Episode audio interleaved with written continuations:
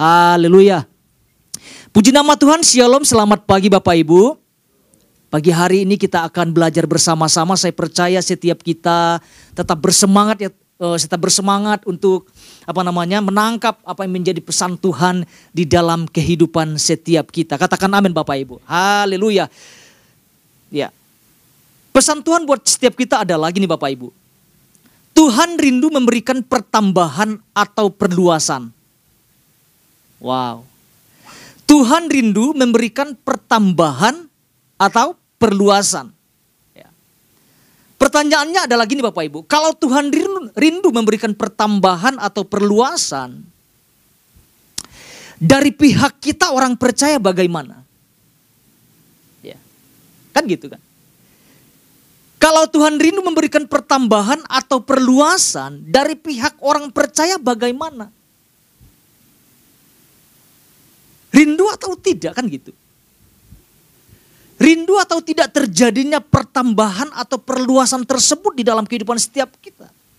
Karena gini yang saya renungkan gini Bapak Ibu, yang saya renungkan adalah penggenapan itu akan terjadi jika kita memiliki kerinduan yang sama dengan Tuhan. Tuhan kan rindu. Jangan-jangan gini, jangan sampai kita sebagai orang-orang percaya tidak punya kerinduan yang sama dengan Tuhan nggak ketemu. Gitu loh. Tuhan mau limpahkan sesuatu yang besar buat setiap kita. Tapi kita yang tidak merindukannya gitu loh. Ya, jangan sampai Tuhan rindu kita tidak kan gitu. Ini yang membuat saya merenungkan ketika Pak Ishak sampaikan itu. Tuhan begitu rindu mencurahkan, memberikan perluasan, pertambahan di dalam kehidupan setiap kita. Jangan sampai kita sebagai anak-anak Tuhan tidak meresponinya dengan baik. Respon kita datar-datar saja, respon kita biasa-biasa saja. Jangan sampai respon kita cuek. Ya, kita tidak peduli apa yang Tuhan sampaikan atau bicarakan kepada setiap kita. Kalau saya sangat merindukan itu terjadi Bapak Ibu. Haleluya. Saya percaya setiap kita Bapak Ibu. Ya. Coba kalau kita renungkan Bapak Ibu. Pesan Tuhan ini adalah uh, kabar gembira buat setiap kita katakan kabar gembira Bapak Ibu. Ini kabar sukacita. Kenapa saya sampaikan ini kabar gembira, kabar sukacita? Karena ada sesuatu, ada pertambahan. Seberapa kita yang rindu mengalami pertambahan di dalam kehidupan setiap kita? Mari angkat tangan Bapak Ibu. Setiap kita. Dan Tuhan tegaskan ini, Tuhan memberikan pertambahan dan perluasan. Masalahnya gini, rindu enggak? Gitu. Ini menjadi doa saya Bapak Ibu apa yang Tuhan katakan, apa yang Tuhan sampaikan itu tergenapi di dalam kehidupan setiap kita. Dan saya sangat percaya itu. Bapak Gembala sudah sampaikan hari Selasa secara lengkap Bapak Ibu. Ayo ambil waktu kita belajar. Ya. Mulai belajar mencatat ya. Kadang-kadang juga apa yang Tuhan sampaikan kadang-kadang kan kita sulit menangkapnya. Ah, coba dengar berulang-ulang. Pasti dapat sesuatu. Ya, karena ini yang saya biasakan.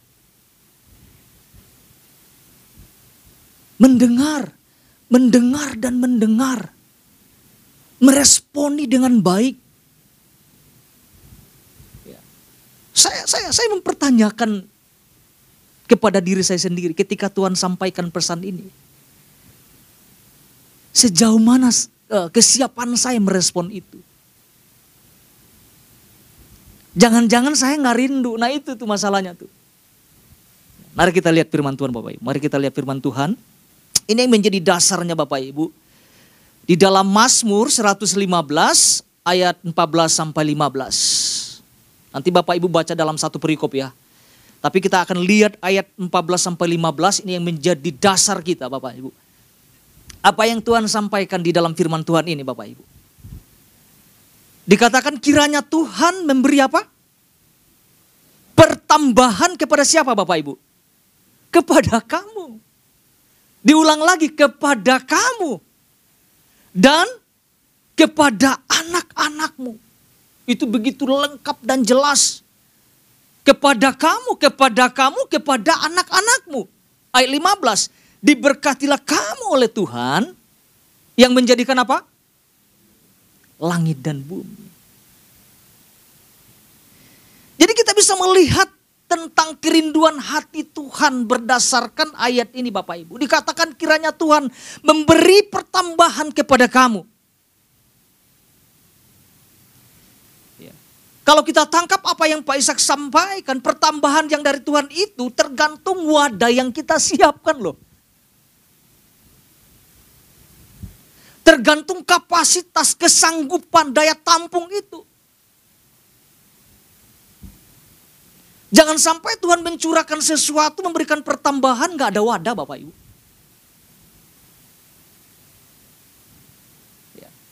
Kita pernah belajar tentang kisah perempuan minyak seorang janda. Ketika Nabi Elisa mengatakan, oke okay, kumpulkan setiap buli-buli yang kosong kepada tetanggamu. Jangan terlalu sedikit firman Tuhan katakan.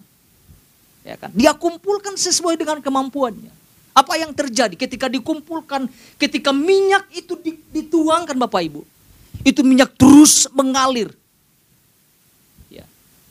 Ketika buli-buli itu sudah tidak ada lagi Bapak Ibu. Minyak apa yang terjadi? Berhenti loh. Ternyata tergantung kesanggupan.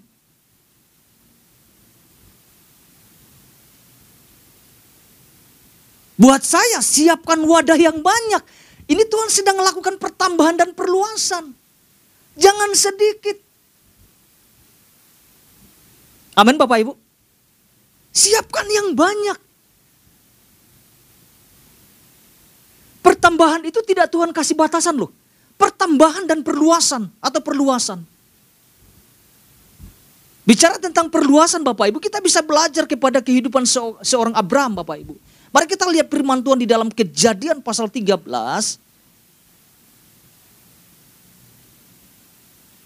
ayat 14 sampai 15 Bapak Ibu. Apa yang dikatakan di dalam kejadian pasal 13 ini?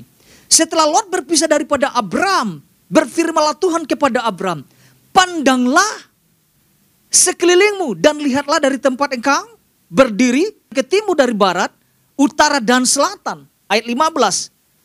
Sebab seluruh negeri yang kau lihat itu, apa yang Tuhan katakan? Akan apa? akan kuberikan. Tuhan gak bilang akan kusembunyikan, tidak. Akan kuberikan kepadamu dan kepada keturunanmu. Untuk apa? Selama-lamanya. Lot mengambil sesuatu yang terbaik dalam dalam hidupnya menurut versinya dia. Tapi kita lihat Tuhan memberikan perluasan yang sangat dahsyat kepada Abram. Batasannya apa? Sejauh mata memandang, Bapak Ibu. Seperti itulah yang Tuhan maksudkan memperluas apa namanya? Menambahkan perluasan di dalam kehidupan setiap kita. Mari kita memandang sejauh apa yang kita bisa lihat. Saya percaya Tuhan tidak pernah gagal terhadap pesannya Bapak Ibu. Ya. Bahwa di dalam inti pesan Tuhan dikatakan, bukan sekedar mengiming-imingi kita dengan adanya rencana pertambahan atas manusia. Tuhan tekankan ini bukan sekedar janji loh. Wow. Bukan sekedar mengiming-imingi tanpa ada solusi.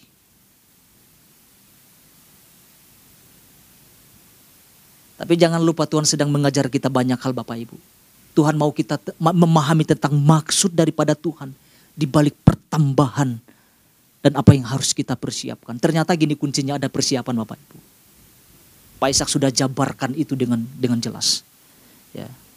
Jangan hanya bisa ngeklaim, tapi gini, Gak ada persiapan. Mana dong janjinya Tuhan? Tapi gak ada persiapan. Mana dong pertambahan Tuhan? Mana mujizat? Mana perluasan itu? Selama kita tidak melakukan persiapan, gak ada hasil.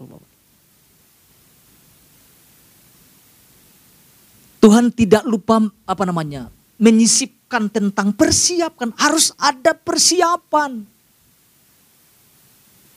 Bukan cukup hanya rindu juga, tidak. Rindu oke. Okay. Tapi kalau tidak ada persiapan yang dilakukan, maka hasilnya gak maksimal Bapak Ibu.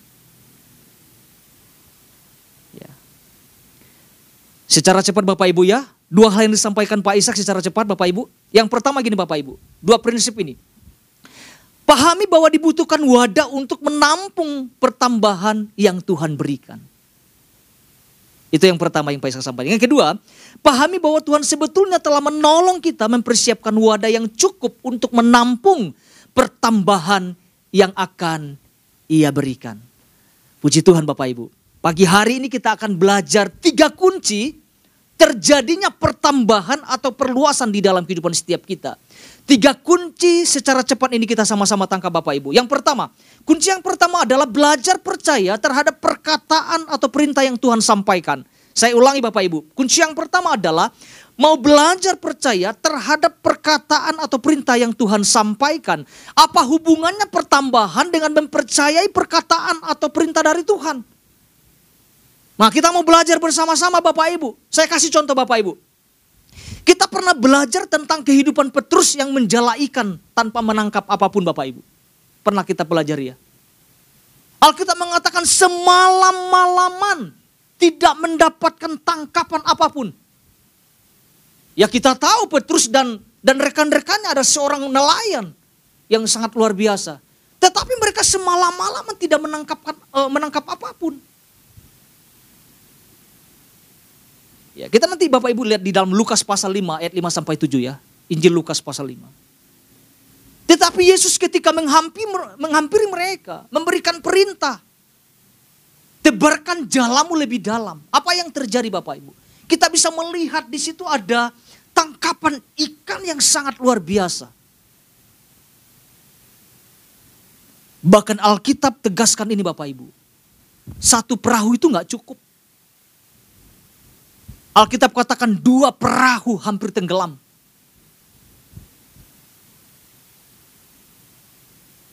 Bagaimana kalau Petrus, Simon Petrus Bapak Ibu tidak tidak mempercayai apa yang diperintahkan oleh Tuhan?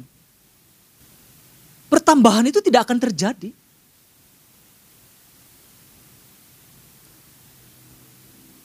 Namun ketika seseorang percaya terhadap perintah Tuhan,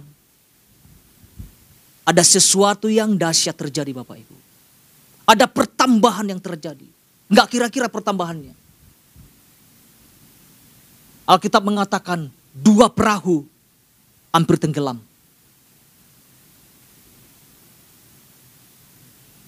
Ya. Ketika kita kembali kepada Mazmur 115 15 Bapak Ibu, ternyata Tuhan juga menekankan tentang hati yang percaya loh Bapak Ibu. Percayalah, percayalah, percayalah. Pak Ishak sudah jabarkan, Pak Petrus juga di dalam doa pengurapan sudah jabarkan. Ya, di dalam Mazmur 115 ayat 9 sampai 11, di situ ditegaskan berulang-ulang dikatakan percayalah, percayalah, percayalah. Karena waktu kita belajar percaya, ada janji berkat pertambahan yang Tuhan genapi. Katakan amin Bapak Ibu. Bagaimana kalau kita tidak percaya apa yang Tuhan perintahkan, apa yang Tuhan firmankan, apa yang Tuhan sampaikan? Jadi percaya itu penting Bapak Ibu. Ketika Tuhan mengatakan Tuhan akan memberikan pertambahan dan perluasan. Pegang itu. Kita harus percayai itu. Waktu kita percaya dan lakukan bagian kita. Maka akan terjadi penggenapan di dalam kehidupan setiap kita. Katakan amin Bapak Ibu. Itu kunci yang pertama yang kita lihat Bapak Ibu. Kunci yang kedua. Kunci yang kedua adalah belajar setia terhadap perkara kecil. Pak Ishak sempat singgung ini Bapak Ibu ya. Ini berbicara tentang tanggung jawab. Ya. Yang kedua adalah belajar setia terhadap perkara kecil. Ya. Karena pertambahan atau perluasan itu dimulai dari hal-hal yang kecil Bapak Ibu. Mari kita lihat firman Tuhan di dalam Lukas pasal 16 ayat 10. Apa yang firman Tuhan katakan di sini Bapak Ibu? Barang siapa setia dalam perkara-perkara kecil, ia setia juga dalam perkara-perkara apa? Besar. Dan barang siapa tidak benar dalam perkara-perkara kecil, ia tidak benar juga dalam perkara-perkara besar. Pak Ishak kemarin Bapak Ibu sampaikan tentang perumpamaan talenta. Ada yang dipercayakan lima, ada yang dipercayakan dua, ada yang dipercayakan satu. Yang lima terjadi pelipat gandaan menjadi sepuluh. Yang dua menjadi empat. Yang satu, ini yang satu parah sekali Bapak Ibu. Saya coba merenungkan ulang apa yang Bapak Gembala sampaikan. Iya, iya. Jangan-jangan kita ada di posisi yang satu nih nih. Ya, ketika dikasih dipercayakan satu, malah menguburnya. Ada teguran loh, dikatakan pemalas. Ternyata ada ada respon yang tepat Bapak Ibu. Lima jadi sepuluh, dua menjadi empat, satu tetap satu. Ya. Ketika saya merenungkan ini saya saya diingatkan tentang tentang kehidupan Daud Bapak. Kita pernah belajar tentang perjalanan kehidupan Daud. Daud itu tidak langsung jadi raja, betul ya Bapak? Daud memulai dengan hal-hal yang kecil, bertanggung jawab dari hal-hal yang kecil. Mengembalakan kambing domba dua tiga ekor Bapak Ibu. Dengan setia, dengan penuh tanggung jawab. Kita bisa lihat Bapak Ibu, kehidupan Daud tidak hanya berjalan begitu-begitu saja. Orang lihat dia mungkin orang-orang sekitar dia, oh sebagai hanya gembala, kambing domba dua tiga ekor. Waktu dipercayakan untuk mengantarkan makanan buat kakak-kakaknya di pertempuran, Daud lakukan dengan segenap hatinya. Ternyata gini Bapak Ibu, perjalanan itu, kesetiaan dalam melakukan perkara, perkara kecil, membawa Daud terbang tinggi Bapak Ibu. Wow, dari seorang gembala kambing domba menjadi seorang raja. Satu bangsa yang besar. Kalau kita merindukan pertambahan atau perluasan terjadi Bapak Ibu. Nah, mari kita belajar dari tanggung jawab yang Tuhan percayakan dari hal-hal yang kecil. Tuhan juga tahu tentang kapasitas kita. Tuhan juga tahu tentang kemampuan kita. Tapi Tuhan Tuhan ingatkan ketika saya pempelajar iya ya. Itu kerinduan Tuhan memberikan pertambahan dan perluasan. Tapi juga Tuhan ingat, Tuhan juga melihat tentang apa yang namanya, apa yang kita betul-betul setia dalam perkara-perkara kecil yang Tuhan percayakan di dalam kehidupan setiap kita. Timotius Bapak Ibu tidak langsung jadi seorang gembala. Dididik, diperlengkapi, dipersiapkan terlebih dahulu. Baru dia menjadi seorang pengajar yang hebat, seorang gembala yang hebat. Dari hal-hal yang kecil. Yosua kita pernah belajar. Awalnya jadi pesuruh. Akhirnya Tuhan angkat di wilayah yang lebih luas untuk memimpin juga. Saya percaya setiap kita merindukan tentang pertambahan itu Bapak Ibu. Perluasan di dalam kehidupan setiap kita. Namun pertanyaannya gini, sudahkah kita belajar dari perkara-perkara kecil yang Tuhan percayakan. Ya. Ya. Yang namanya membangun gedung Bapak Ibu nggak langsung tiba-tiba jadi gedung. Tapi bagi Tuhan tidak ada yang mustahil. Kalau waktunya pertambahan, tidak ada satu orang pun yang bisa memberhentikan kita. Tuhan akan genapi. Ya, pertambahan, perluasan di segala aspek kehidupan setiap kita Tuhan akan genapi, katakan amin Bapak Ibu. Itu kunci yang kedua. Yang terakhir Bapak Ibu. Kunci yang ketiga adalah, kunci yang ketiga adalah belajar melayani pekerjaan Tuhan. Wow. Belajar melayani pekerjaan Tuhan. Saya sangat percaya ada sesuatu yang akan Tuhan tambah-tambahkan waktu kita melayani pekerjaannya. Ada kuasa, ada urapan roh kudus yang terus ditambah-tambahkan lewat kehidupan setiap kita Bapak Ibu. Ibadah pengurapan Bapak Ibu hari Selasa malam Bapak Ibu. Ada sesuatu yang hebat yang terjadi di dalam kehidupan kita. Ya, setiap kita yang hadir Bapak Ibu ya.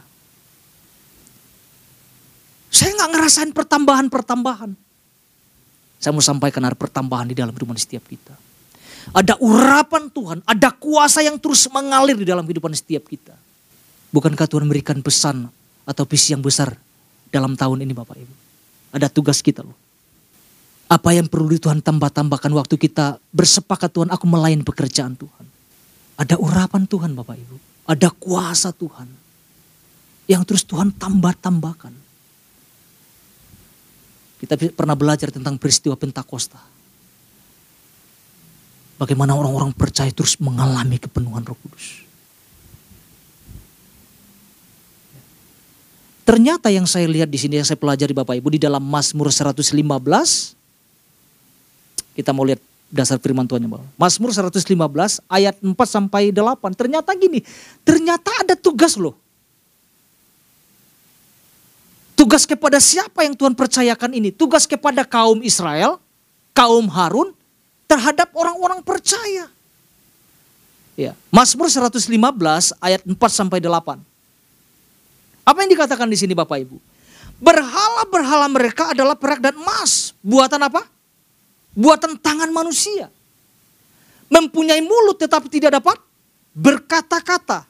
Mempunyai mata tetapi tidak dapat melihat. Mempunyai telinga tetapi tidak dapat mendengar. Mempunyai hidung tetapi tidak dapat mencium. Ayat 7. Mempunyai tangan tetapi tidak dapat meraba-raba. Mempunyai kaki tetapi tidak dapat berjalan dan tidak dapat memberi suara dengan kerongkongannya. Jadi kita bisa melihat di sini ada tugas yang Tuhan percayakan bagi kaum Israel, kaum Harun dan bagi kita sebagai orang-orang percaya. Tugasnya apa? Menjangkau orang-orang gini, penyembah-penyembah berhala.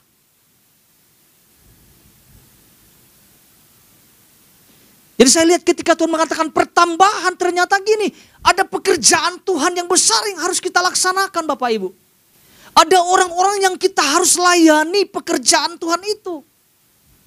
Ada orang-orang yang tersesat. Ada orang-orang yang belum mengalami Tuhan. Itu dibebankan kepada orang-orang yang sudah ngalamin Tuhan. Untuk melakukan pekerjaannya. Saya sangat percaya Bapak Ibu. Waktu kita memutuskan kita mau melayani pekerjaan Tuhan ada sesuatu yang ditambah-tambahkan. Bukan hanya kuasa dan urapan. Tetapi segala apa yang kita butuhkan untuk melayani Tuhan. Itu yang Tuhan tambah-tambahkan di dalam kehidupan setiap kita. Jadi saya mendorong setiap kita Bapak Ibu. Mari kita tangkap pesan Tuhan ini. Ketika Tuhan mengatakan ada pertambahan, ada perluasan. Ya, respon kita gini. Mesti kita semangat Bapak Ibu. Lebih semangat, lebih antusias untuk melayani Tuhan pekerjaannya. Amin Bapak Ibu ya. Saya percaya apa yang Tuhan sampaikan dalam minggu ini itu terjadi, itu dibuahi di dalam kehidupan setiap kita. Jadi tiga hal ini, tiga kunci ini yang sama-sama kita eh, sama-sama kita tangkap Bapak Ibu. Yang pertama adalah belajar percaya terhadap perkataan atau perintah yang Tuhan sampaikan. Yang kedua belajar setia terhadap perkara kecil. Yang ketiga belajar melayani pekerjaan Tuhan. Tuhan Yesus memberkati setiap kita.